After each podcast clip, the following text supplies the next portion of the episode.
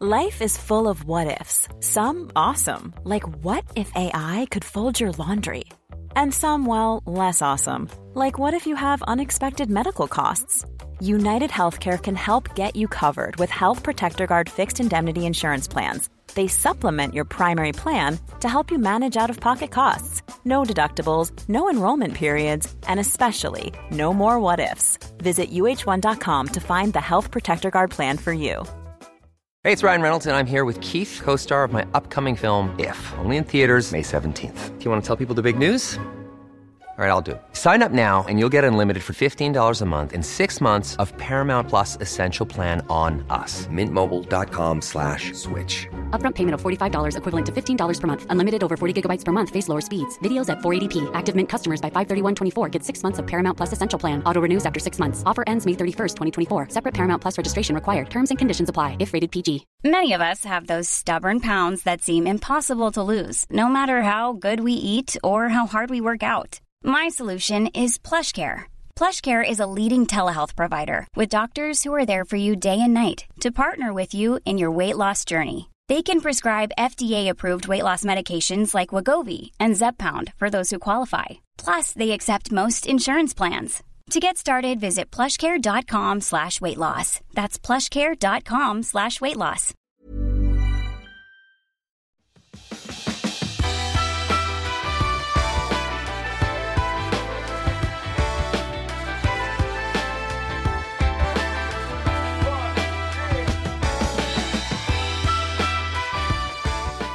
Välkommen till Klimakteriepodden med mig, Åsa Melin. Orden starka kvinnoröster skulle kunna stå för mycket. I det här avsnittet så har jag med mig Katrina Hedén som är sångerska och dessutom har 30 års erfarenhet av att arbeta som sångpedagog. Hon skriver egen musik och hon är aktiv inom många genrer med grunden i den klassiska musiken. Och det här avsnittet handlar dels om vår röst och hur den påverkas av klimakteriet och hur vi kan stötta den. Känner du som jag igen det här med att man kanske harklar sig lite oftare och lättare får slembildning i halsen. Jo, men det är faktiskt bara en aspekt av hur rösten förändras. Rösten är också något man kan använda för att göra sig hörd. Och det ska vi också tala om. Behovet av att säga ifrån, tala om vad man tycker när man upplever orättvisa. Det kan vara både psykologiska och existentiella faktorer som spelar in och skapar det här behovet. Men det är inte helt ovanligt att man känner så just i den här perioden av livet eller när man kommer ut på andra sidan av klimakteriet. Man känner sig lite starkare än man kanske gjorde innan. Och eh, jag tycker att det är ganska spännande att faktiskt få berätta också att det är upprinnelsen till det här avsnittet och den här gästen och anledningen till att vi startade en konversation. Det var precis det här behovet av att säga ifrån. Jag spoilar inte nu i försnacket, men eh, du kommer säkert bli nyfiken på vilket avsnitt Katrina refererar till där jag uttrycker mig på ett sätt som hon reagerade på, vilket var starten till vår kontakt. Och det var avsnitt 256 med Ulrika Hammar som heter Befriad eller besvärad. Vi får också höra Katrina berätta om eh, hur röstens betydelse för vårt mående och röstens olika faser i livet och vårt behov av att bli fri i rösten för att kunna uttrycka det vi vill. Allt det här leder till ett starkare självförtroende och självkänsla och inte minst ett förtydligande av vår identitet. Mm. Flera av er kommer säkert bli nyfikna på Katrina och du kan komma i kontakt med henne och läsa mer på katrinahedenmusic.se. Dessutom finns det en länk dit och flera andra spännande Youtube-klipp som handlar om röst på olika sätt som utlovas också en länk till en P2-dokumentär om kvinnoröstens förändlighet. Och allt det här finns som vanligt på klimakteriepodden.se. Men innan du går dit så önskar jag dig välkommen att lyssna.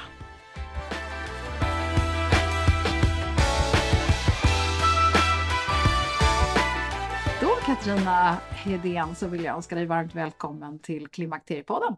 Tack så mycket. Ja, det här var lite otippat.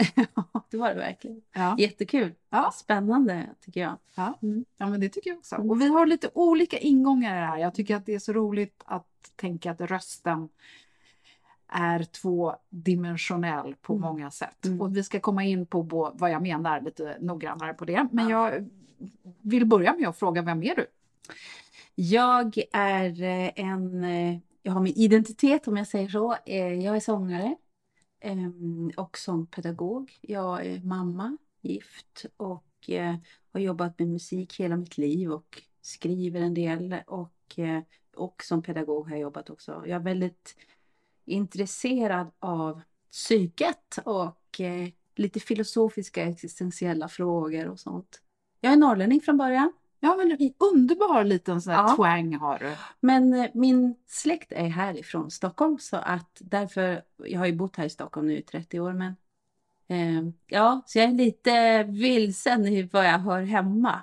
Jag har både norrlänning och eh, St- Stockholm som min, men det är Östersjön kan man säga i alla fall. Okej, ja, men det är bra att du Ja. inte är ute på alla sju haven. Eh, Du, eh, när du var i 52-årsåldern, eh, då kände du att något inte riktigt stämde. Mm. Idag så är du 55. 55 Mm. och på väg mot det 56. Ja. Och, eh, men du kan väl berätta lite grann din klimakteriehistoria, får man väl kalla det för. Ja, den började ju mycket tidigare fast jag förstod inte det.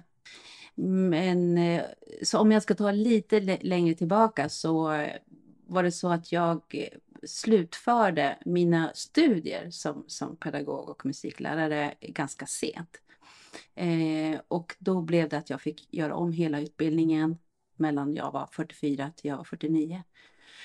Och då så hamnade jag och studerade bland alla unga. En del kom direkt från gymnasiet, en del hade, ja, de var mellan 20 och 30. Och det var en fantastisk tid och eh, roligt på många sätt, men också otroligt utmanande eftersom jag var i den här miljön där det finns mycket unga människor som har liksom livet framför sig. Så att det börjar ju med någon slags existentiell, tror jag, känsla av att jag vill inte bli äldre.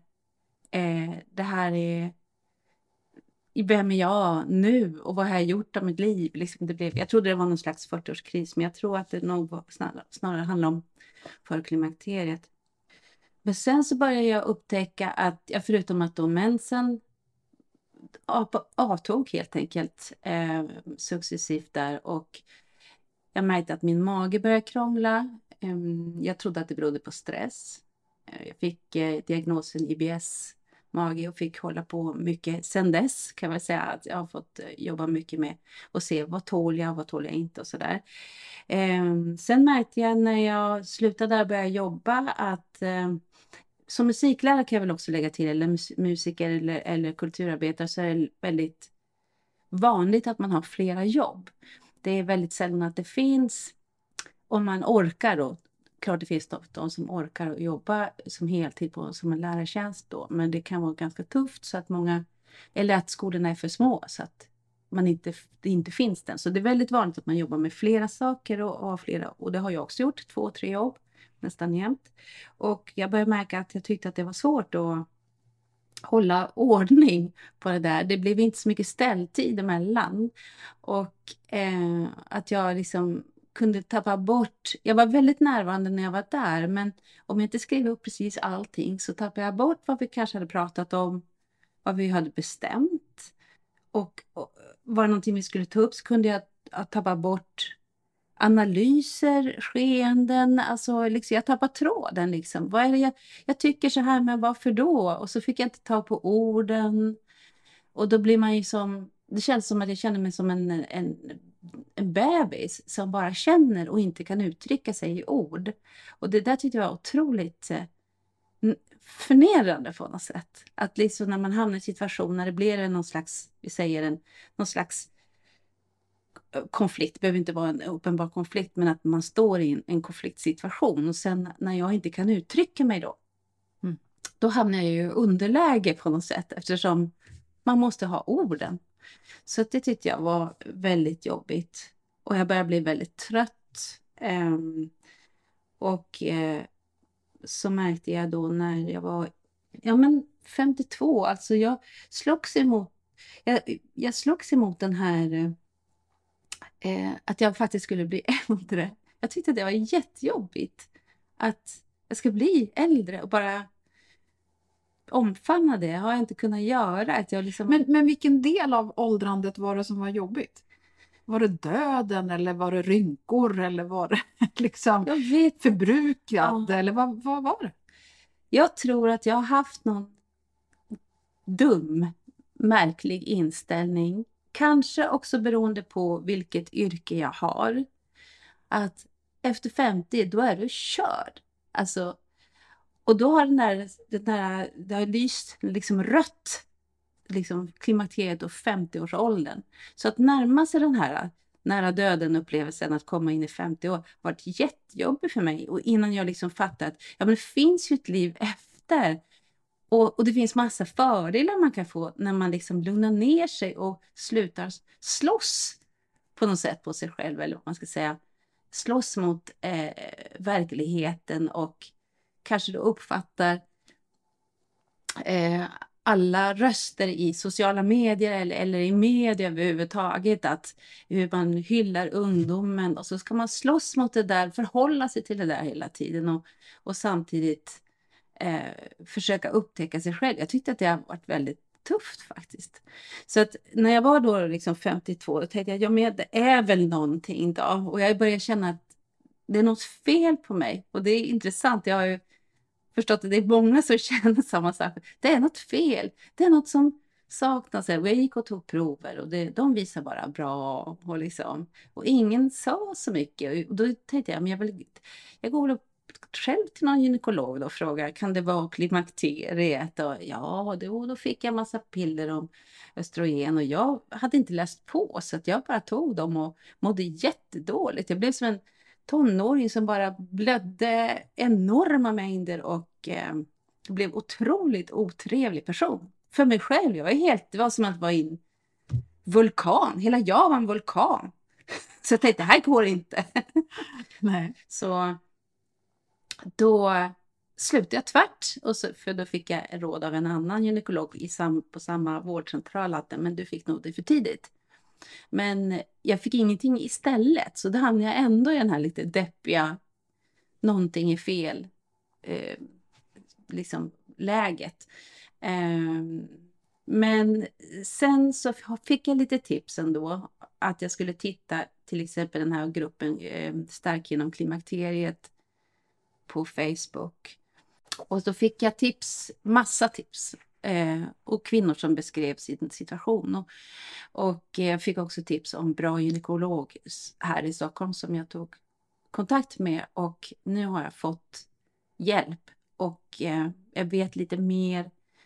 Och nu känner jag ändå att jag, jag har någon form av balans. känner jag ändå, och, börjar liksom, och när det inte stormar så mycket då kanske man kan liksom också tänka att eh, mitt liv eh, ja, vad, vad har det varit? Då har jag tid att tänka på vad har det varit och vad vill jag nu och vad kan jag? Eh, och jag har också tagit beslut att jag jobbar bara på, jag har bara ett arbete nu. Och så frilansar jag lite grann, men jag jobbar ju som sångpedagog nu bara. Och då försöker jag ta saker som är i samklang med det så att det inte blir helt olika uppgifter, arbetsuppgifter och sådär. Eller, eller olika världar eller vad jag ska säga.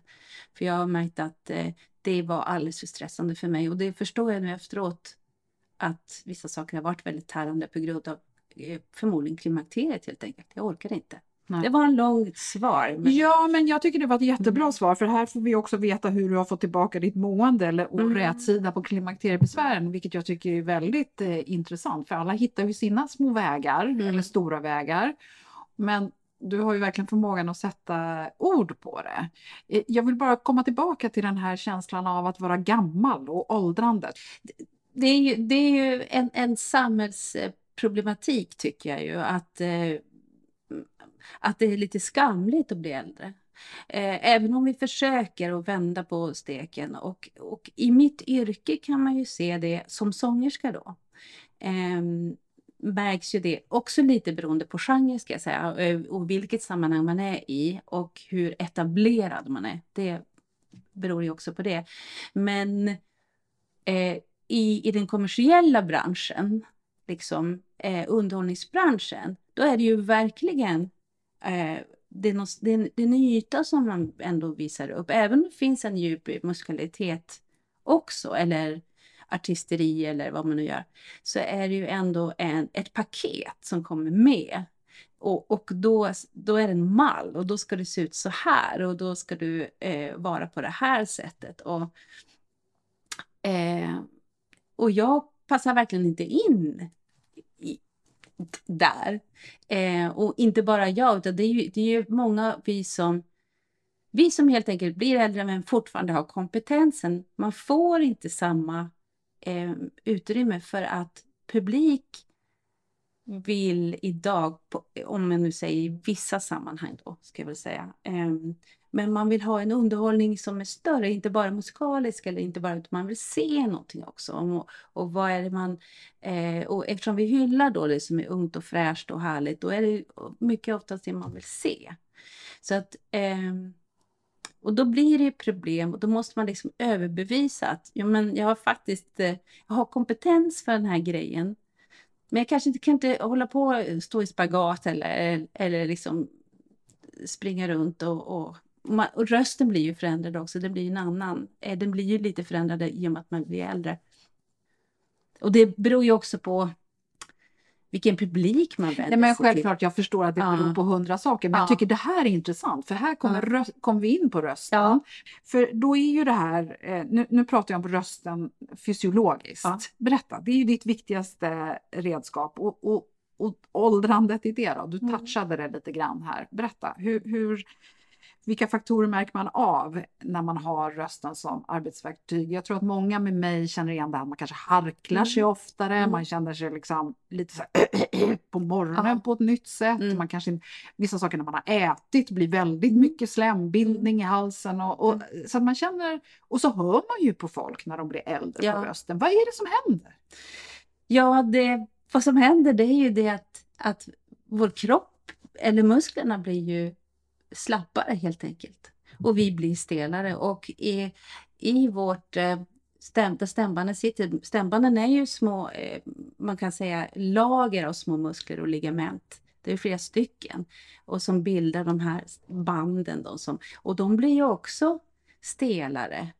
Och brosken som håller i stämbanden som gör om vi kan sjunga eller om vi kan prata eh, i olika tonlägen och sådär. Det, det, det stelnar ju också. Det tajtas till. Det tajtas till, precis.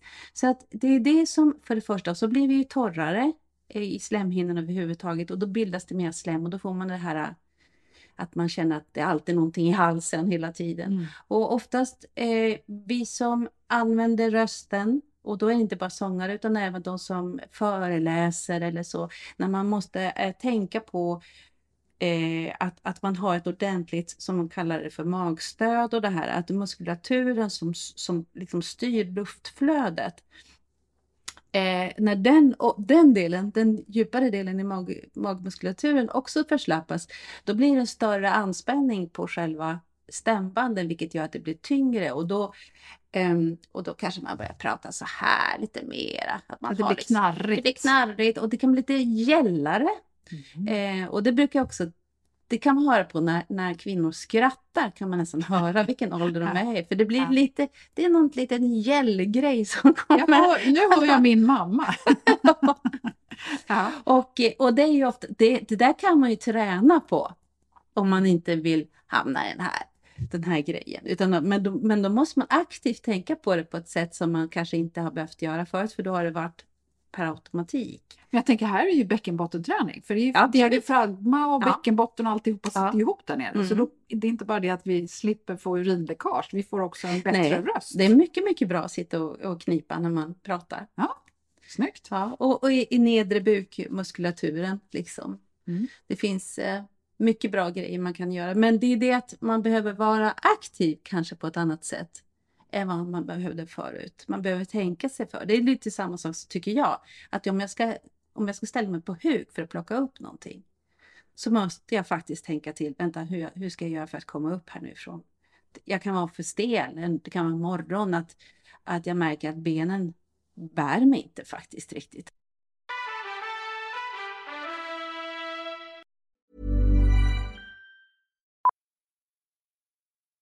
Millions of people have lost weight with personalized plans from Noom, like Evan, who can't stand salads and still lost 50 pounds.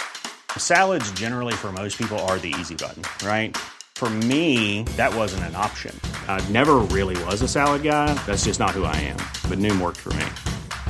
Get your personalized plan today at Noom.com.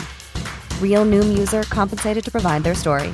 In four weeks, the typical Noom user can expect to lose one to two pounds per week. Individual results may vary.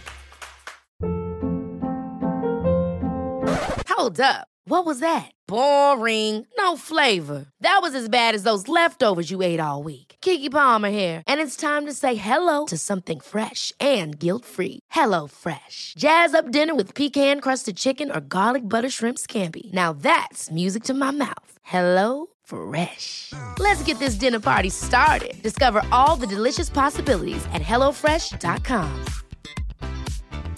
Hey, it's Ryan Reynolds, and I'm here with Keith, co star of my upcoming film, If, only in theaters, May 17th. Do you want to tell people the big news?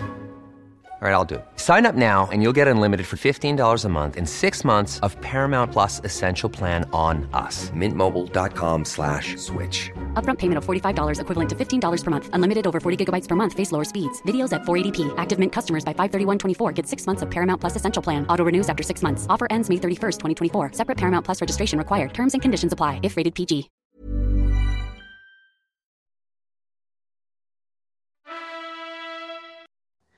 Alltså, det är så mycket som händer när man använder sin röst eh, aktivt, om jag säger så. Att man inte bara pratar eller nynnar eller så. Utan, utan förutom att det är den här eh, muskulaturen och att man andas, man använder ju andningen, den är ju väldigt mycket djupare. Eh, vi får ju ofta den här högre andningen när man blir äldre, för man tappar ju liksom eh, ja, hela den här muskulaturpaketet så att säga. Så att, eh, och då om man eh, när man andas djupt, bara den saken gör ju att man kommer i, i någon slags annan sinnesstämning. Så att ofta när jag jobbar med elever som är stressade, då börjar vi alltid med att andas och, och lite olika andningstekniker för att liksom, då, är det, ork, då kommer de ner i varv och kan vara närvarande. Och, eh, och sen så då när vi har muskulaturen eh, som hjälper till med luftflödet eh, och, och rösten, hela den, det är en fysisk, det är som att träna på något sätt fast vi trän- det är liksom inuti kroppen eh, på det sättet. Och sen så kommer det upp då som, som vi säger i ansatsröret. Det är alltså eh, från, från stämbanden och en, hela vägen ut. Då har vi ju bihålorna och det är det som gör att vi låter olika. Och, och här kan ju också, här kan man också styra när man jobbar med rösten, kan man styra hur man vill låta, om man vill låta läckig. Det kan ju alla göra i och för sig. Eller om man vill låta väldigt tydlig och klar. Alltså man placerar ju liksom det olika. Men vad som händer, rent fysiskt så frigörs det ju bara, bara det sak så frigörs det ju hormoner och sånt. Det är ju många som pratar om att de blir så helt lyriska när de har sjungit i kör. Mm. Och det är ju verkligen någonting som händer då. Och att man får den här gemenskapen, vi gör det här tillsammans, det är någon slags jämställdhet, alla behövs. Och det frigörs ju flera eh, hormoner, alltså det är ju endorfiner, serotonin, dopamin, oxytocin, vad heter Oxy, oxy, oxy, oxytocin. Precis. Det, Samma hormon som vi får vid beröring. Ja, exakt. Och det, det liksom förklarar eh, och stressnivån går ner och det förklarar varför det betyder så mycket för människor att gå i kör. Och, och vad, om vi nu ska då leda då till när man hamnar i klimakteriet, när man inte kan lita på sin röst, det handlar om det ju. Det här är ju mitt uttryckssätt, det här är en min röst är en förlängning av mig själv. Förutom de ord jag väljer så är det ju hela min röst beskriver ju vem jag är och hur jag mår. Och eh, vad som, ja, det, man kan läsa av väldigt mycket i en röst. Och om man då inte kan, och sången kan man säga är, är ännu yt, en förlängning av vem jag är. Eh, och då tillsammans med andra får den här, man får någon slags bekräftelse på att sin identitet på något sätt när man sjunger tillsammans som är otroligt stark. Eh, när man då inte kan lita på sin röst, för den gör inte vad jag vill att den ska göra. Jag, jag kan inte använda samma på samma sätt som jag gjorde när jag var yngre. Då, det är ju liksom en, ett angrepp mot ens egen identitet på något sätt. Vem är jag nu då? Vem, nu kan jag ju inte, jag kan inte prata som jag vill. Rösten kanske är så här eller man kanske, alltså att man, man säckar ihop lite eller att den blir mer monoton, lite tunnare. Jag kan inte liksom prata med pondus längre eller jag kan inte hålla ut tonerna längre. Jag kan inte, och då kanske man skäms lite grann. Om det har varit en del av ens identitet att jag brukar vara så bra på det här och kunna hålla tal eller någonting. Plötsligt så, nej rösten bär inte riktigt och det har varit en del av eh, framgången om man säger. Om den då inte bär längre, då, då blir det ju liksom ett slag mot självkänslan och liksom, men nu vet jag inte längre vem jag är. Men en, en annan sak som man kan upp, upptäcka det att man plötsligt inte, man har så kallad låg intonation. Det betyder att man sjunger lite falskt helt enkelt. Man prickar inte tonerna lika bra för att man orkar inte hålla upp eh, sångapparaten eller, eller tonen som man säger. Eh, och det, det handlar ju väldigt mycket om teknik egentligen. Man kanske hör men man kan inte, förmår inte. Och det brukar vara knäckande att man känner att jag tar inte tonerna lika bra eller att vibratot som man många har när man sjunger det att, att det inte går att kontrollera. Det kanske blir för stort. Mm. Om man tränar sin röst med bara mm. tal, om man mm. inte är någon person som ja. sjunger, mm. räcker det? Eller hur håller man igång rösten då? Ja, inte vara tyst. Utan eh, en jättebra sak det är ju att till exempel läsa högt. Och eh, eh läsa som om man ska läsa för en, en publik. För ofta när man tänker att man gör det, då brukar det bli saker automatiskt att man liksom aktiverar sitt magstöd. Man har en eh, längre frasering på varje mening som man gör, man slutar inte mitt i.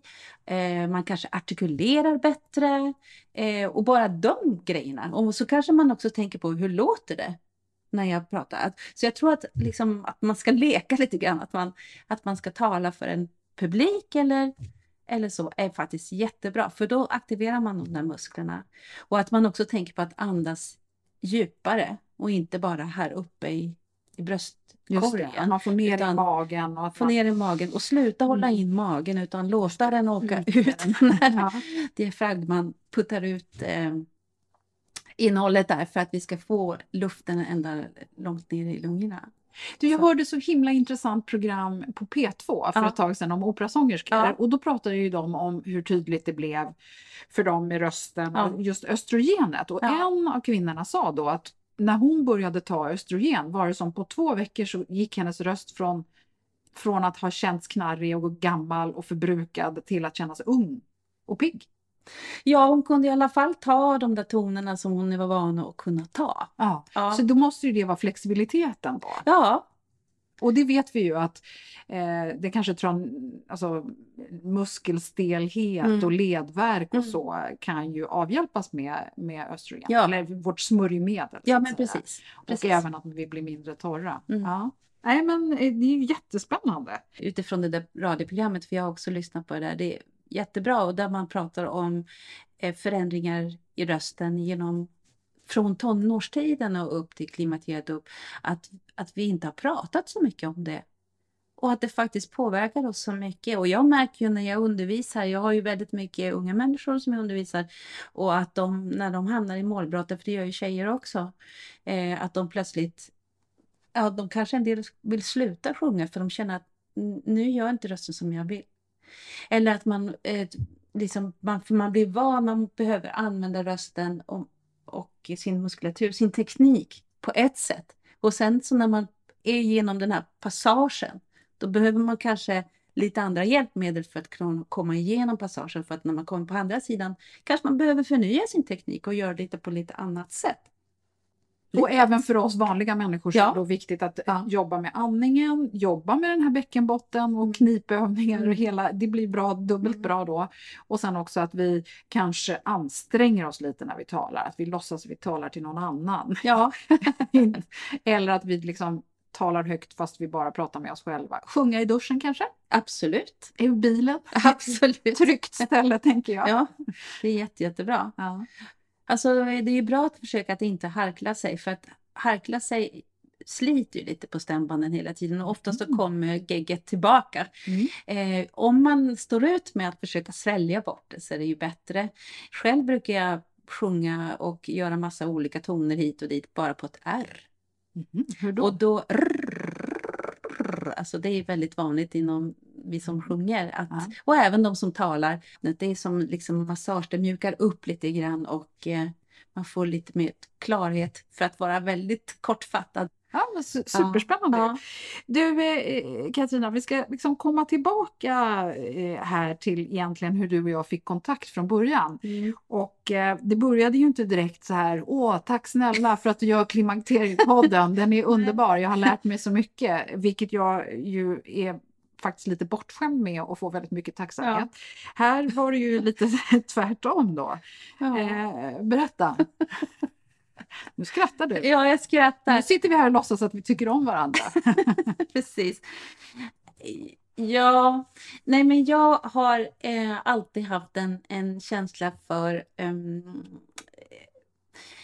eller vad ska jag säga, ser utanförskap och har blivit reagerat väldigt mycket på när, när jag ser sådana saker eller när jag ser att sådana saker, att det finns en situation som kan bidra till att folk känner sig exkluderade. Och i det här sammanhanget så var det ju någonting som du jag kommer inte ens ihåg vilket program det var. Det var något gammalt program.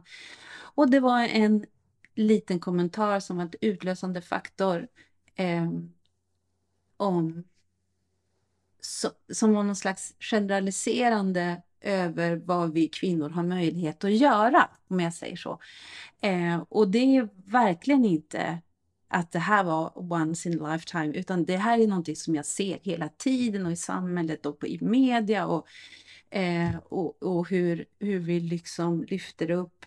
Vissa grupper är bättre än andra och man kan känna sig exkluderad bara genom att, om vi säger titta på ett till exempel, jag tittar väldigt sällan på program som handlar om att det är någon eh, väldigt, eh, vad ska jag säga, programledare som är helt fantastisk, som intervjuar en massa andra människor, så har de jättetrevligt.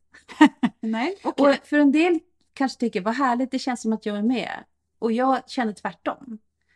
Jag sitter de där och har det mysigt och jag är inte med. Så det blir liksom, det är ju en slags exkludering och en annan kan ju vara det att eh, ja, men jag behöver bara åka iväg med mina väninnor på ett spa en helg och jag kanske inte har resurser för det. Och då, och då blir det som att eh, att det är det man ska göra och bara gör så här. Och det är väl det som kan vara, tänker jag, en risk i eh, ett sånt här sammanhang eh, som är, jag tycker att det här programmet är jättebra. jag, jag har lyssnat väldigt Jag sitter hemma hos Katrina nu så att jag är lite ute på hal is. Jag vet inte om hon ska låsa in mig och kedja fast mig. Eller om hon... straffa dig. Ja, Ja. Nej då. På grund av hur det ser ut i samhället idag så finns det en risk att när vi har sådana här självhjälpsprogram eller vad man nu ska säga, eller hjälp och självhjälp, att eh, vi inte får... Det finns inte hjälp att få om vi inte har hög inkomst eller om vi inte har väldigt mycket goda nära vänner vi kan prata med eller att vi har kommit en bit i karriären. Alltså det finns ju olika saker som gör att det här, för att samhället kan inte erbjuda allting och vårdcentralerna har inte all kompetens uppenbarligen om till exempel klimakteriet och, och ska man få rätt hjälp då kanske man måste gå till en privat aktör som kanske naturligtvis eh, behöver ta betalt eftersom de kanske inte är eh, eller få stöd av landstinget och, och då blir det en kostnad och då kanske inte alla har möjlighet till det och så då känner man sig exkluderad. Jag kan inte ta det här blodprovet för att jag har inte råd. Och jag tänker också på de kvinnor som kanske har börjat fundera på vad, vem är jag gift med egentligen? Eller vad, som kanske lever i en skilsmässa eller har, har eller, eller kanske har förlorat sin, sin eh, partner på något sätt. Att, att normen är att vi ska ha parmiddagar eller vi ska åka på tjejträffar eller sådär. Det finns någon slags normativt sätt att leva på något sätt och vi har våra barn och de har flyttat hemifrån. Men det, så ser det ju inte ut för alla och då kanske en del inte blir inbjudna på de här middagarna för att de är själva eller, eller kan inte gå med på restaurang för de har inte råd för man är ensamstående eller ja, det finns ju lite många saker och Ja. För, för, jag tänker lite grann att, att det som när du och jag sen Eh, för faktum är ju att, att du skickade ett mejl till mig som var ganska argsint. Eh, och eh, då kan jag ju välja att eh, bara bli förbannad och slänga det där i papperskorgen. Men den här gången så tänkte jag att nej men vänta, vad, vad står det här egentligen? För det var väldigt välformulerat mm. trots att det var liksom lite... Och då tänkte jag att den här kvinnan har faktiskt tänkt efter.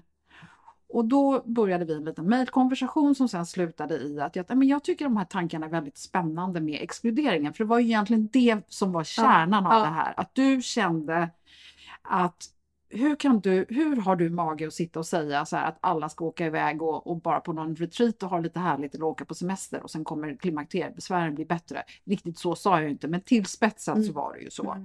Mm. Eh, och, och, då tycker jag att det är väldigt intressant liksom, hur, hur det här då kanske egentligen hänger ihop med inte bara det här med exkluderingen utan också här, din, dina tankar om åldrandet. Mm. För då kommer ju, när vi sen har börjat kommunicera, så kommer ju det tillbaka. Att jag tänker att du har ett sårbart yrke, mm. du har liksom eh, själv jobbat på många olika sätt, du utbildade dig sent i livet och det gör ju att du kanske behöver mer tid medan många sitter i i din ålder och tänker gud vad skönt det ska bli att gå i pension snart. Medan du tänker nästan tvärtom. Jag har inte tid att tänka på någon pension Nej. för jag är inte klar. Nej. Ja men så är det nog, att jag har så mycket kvar som jag kanske på ett sätt tänker varför började jag inte tidigare? Men då var det ju andra saker som hände tidigare. Det är inte så att jag ångrar mitt liv, utan det är bara det att det blev en annan ordning och, och då jag, känner jag mig inte klar. Och då blir jag... Eh, jag då, då kan jag bli lite... Ja, men känna mig lite exkluderad. Jag känner mig liksom inte... Jag vet inte var jag hör hemma. Vem, vilken grupp hör jag hemma i? Men å andra sidan så har jag ju vänt och vridit på tankarna att ja, men vad är att lyckas då? Och vad är, vad är viktigt då? Och alltså, alltså ifrågasatt mig själv. Det gör jag ju också. Det är inte så att jag ifrågasätter alla andra. Jag ifrågasätter väldigt mycket vad jag själv. Varför tycker jag så här då? Eh, är, är, det verkligen möjligt? Kan det verkligen vara så? Är du verkligen utesluten i den här gemenskapen? Eller är det någon hjärnspöken som, som säger till att bara för att inte du blev utvald liksom först utan fick komma på en restplats, plats, skulle det vara sämre då egentligen? Paradox, eller parallellt med den här ungdomskulten så försöker ju liksom att vi försöker lyfta upp eh, alla åldrar och alla möjligheter och alla funktionsvariationer och allting, att det är likvärdigt. Det är liksom, eh, vilket jag tycker är otroligt viktigt. Samtidigt som vi har den här ungdomskulten och personkulten och hela, den lever ju parallellt. Mm. Så att det blir liksom en, en match. Liksom man måste liksom, liksom bestämma sig. Vilken vart är jag någonstans och vem slåss jag för? Och en del kanske tycker att behöver inte slåss alls, bara relax, ta det lite lugnt. men jag vet inte varför jag... Är... Men, men känner det mer, känns det som att det är för dig själv eller för någon annan? Eller för någon, liksom, för, för, för jag har svårt att, att, se om det här är din egna, ja. dina egna existentiella grubblerier. Eller om, för, vilket ju är jättevanligt att just i klimakteriet när det faktiskt händer ja. någonting eh, på ett intressant sätt tycker jag personligen. Ja. Jag känner mig mycket tryggare i mig själv nu än vad jag gjorde för tio år sedan. Mm. Samtidigt som, som jag förstår absolut vad du säger. Så här, var hör jag hemma? Var vill jag vara? Vem är jag? Hur mycket har jag kvar? Är det värt att satsa på det här eller är det för sent? Mm. Eller ja, oh, gud, jag hade önskat att det där var si och det där var så. Det är väldigt lätt att hamna i det där. Ja, ja absolut. Det är det ju. Nej, men jag upplever nog att eh, det kanske också människor i mitt skrå, så att säga, Eh, för när jag har pratat om att jag skulle vara med här och prata om utanförskap så, så är det nästan de flesta säger bara, ja vad bra att du pratar om det här. Att det är så många som känner sig exkluderade av olika anledningar. För att jag berättar lite också av bekännelse, eh, vad ska jag säga, att eh, terapi, eller vad man ska säga, att, att jag var inte så stolt över att jag hade varit så aggressiv i, i mejlet till dig. Och jag, jag skämdes väldigt mycket efteråt, samtidigt så och var jag väldigt tacksam över hur du liksom bollade tillbaka så att jag fick faktiskt tänka till igen och det blir en, en seriös dialog och liksom att vi kommer fram någonstans. Eh, men jag tror att det är många som kan uppfatta att man inte liksom tillhör någon slags mall eller elit eller och det kanske inte är, finns någon. Alla kanske känner sig lite utanför här och där. Gräset är alltid grönare någon annanstans. Det tror jag i och för sig. Så att på ett sätt så tror jag att alla är lite mer eller mindre lite lurade. Visserligen så har vi den här rättvisekänslan, att vi vill att det ska vara rättvist. Om man nu ska ta lite mer filosofiskt här om, om rättvisa, att vi vill att det ska vara rättvist. Men samtidigt om vi tittar hundra år tillbaka, då var det verkligen inte rättvist och vi hade inte liksom kanske det mottot i vårat, vårat land eller vår situation, liksom att det ska vara det. Och jag undrar, pratar man om det här med att det inte är rättvist på samma sätt som vi gör idag? här. Vi säger det är inte rättvist att det är så här. Det är inte rättvist att det, det är någon som Eh, är med om det ena eller det andra eller någon kanske dör när de är unga eller någon kanske tjänar miljarder kronor, inte vet jag. Men och någonstans känner vi att vi, vi har fått i vårt samhälle tillåtelse nu att vi har ett jämlikt. Därför får vi också uttrycka när vi tycker att det är orättvist. Och då ser vi liksom, det är orättvist. Ja, och hur förhåller vi oss till att det är det då?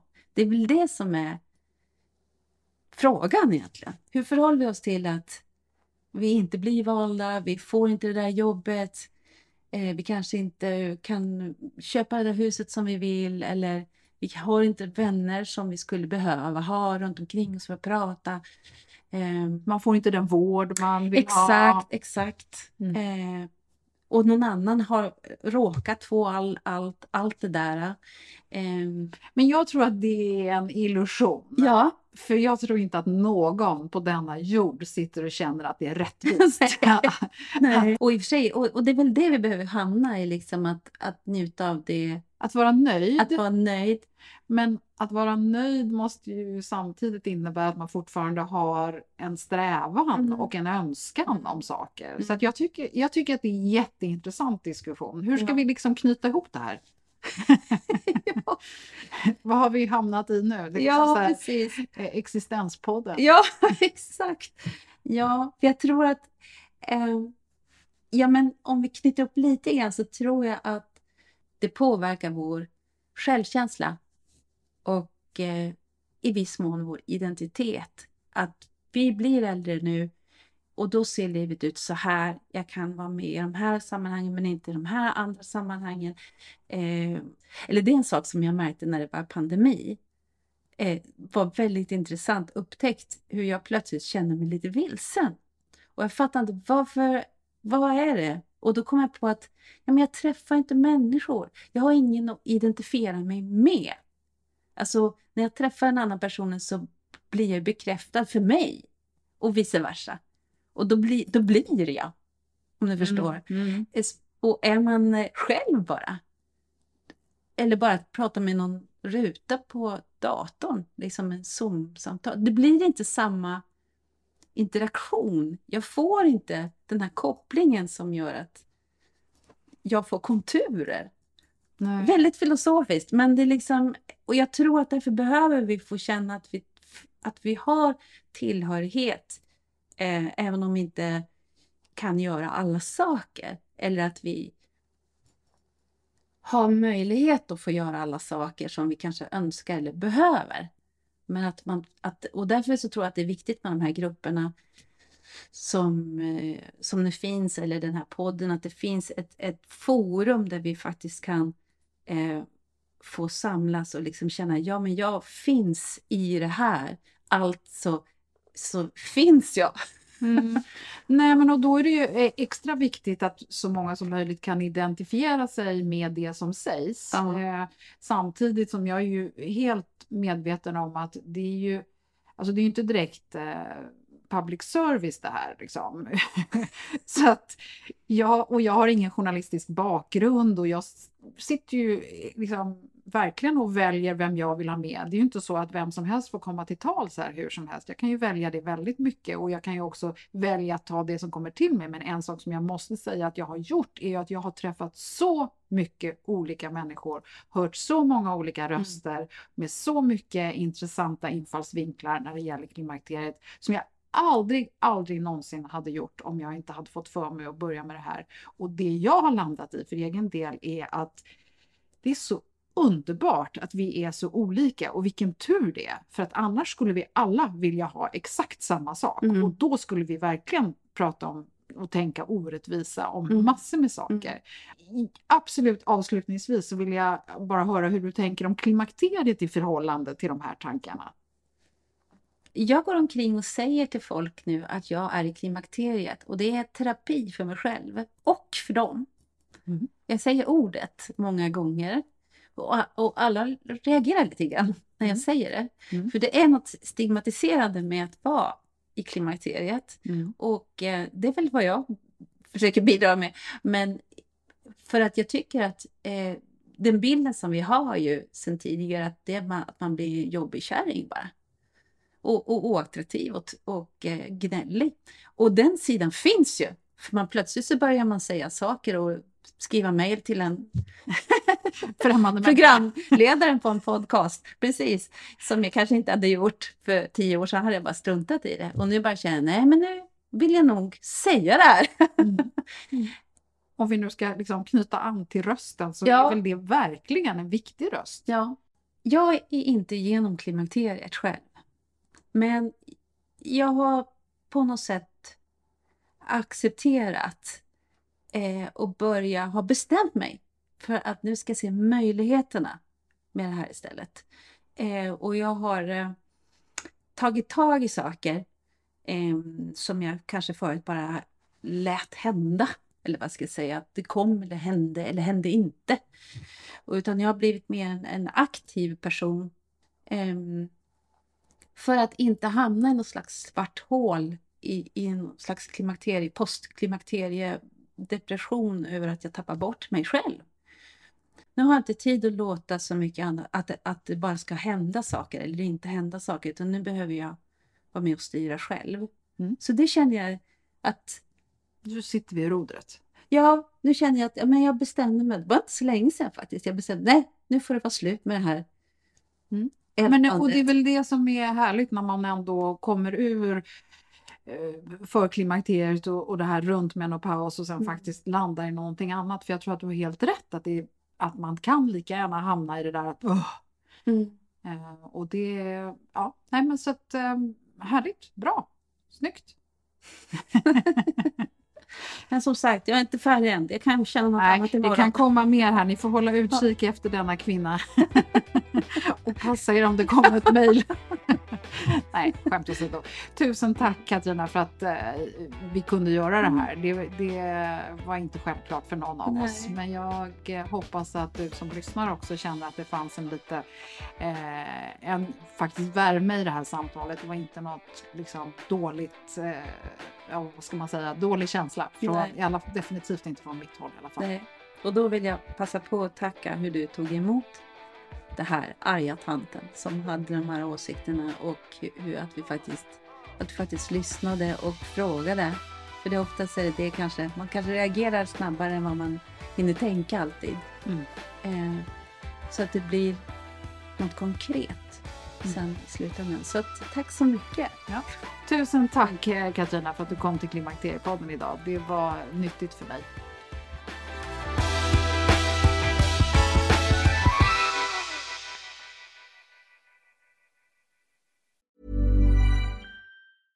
Imagine the softest sheets you've ever felt. Now imagine them getting even softer over time. That's what you'll feel with Bowl and Branch's organic cotton sheets. In a recent customer survey, 96% replied that Bowl and Branch sheets get softer with every wash. Start getting your best night's sleep in these sheets that get softer and softer for years to come. Try their sheets with a 30-night guarantee. Plus, get 15% off your first order at bowlandbranch.com. Code BUTTERY. Exclusions apply. See site for details. Ever catch yourself eating the same flavorless dinner three days in a row? Dreaming of something better? Well, HelloFresh is your guilt-free dream come true, baby. It's me, Kiki Palmer. Let's wake up those taste buds with hot, juicy pecan-crusted chicken or garlic butter shrimp scampi. Mm. Hello Fresh. Stop dreaming of all the delicious possibilities and dig in at HelloFresh.com. Let's get this dinner party started. Hi, I'm Daniel, founder of Pretty Litter. Cats and cat owners deserve better than any old fashioned litter. That's why I teamed up with scientists and veterinarians to create Pretty Litter. Its innovative crystal formula has superior odor control and weighs up to 80% less than clay litter. Pretty Litter even monitors health by changing colors to help detect early signs of potential illness. It's the world's smartest kitty litter. Go to prettylitter.com and use code ACAST for 20% off your first order and a free cat toy. Terms and conditions apply. See site for details.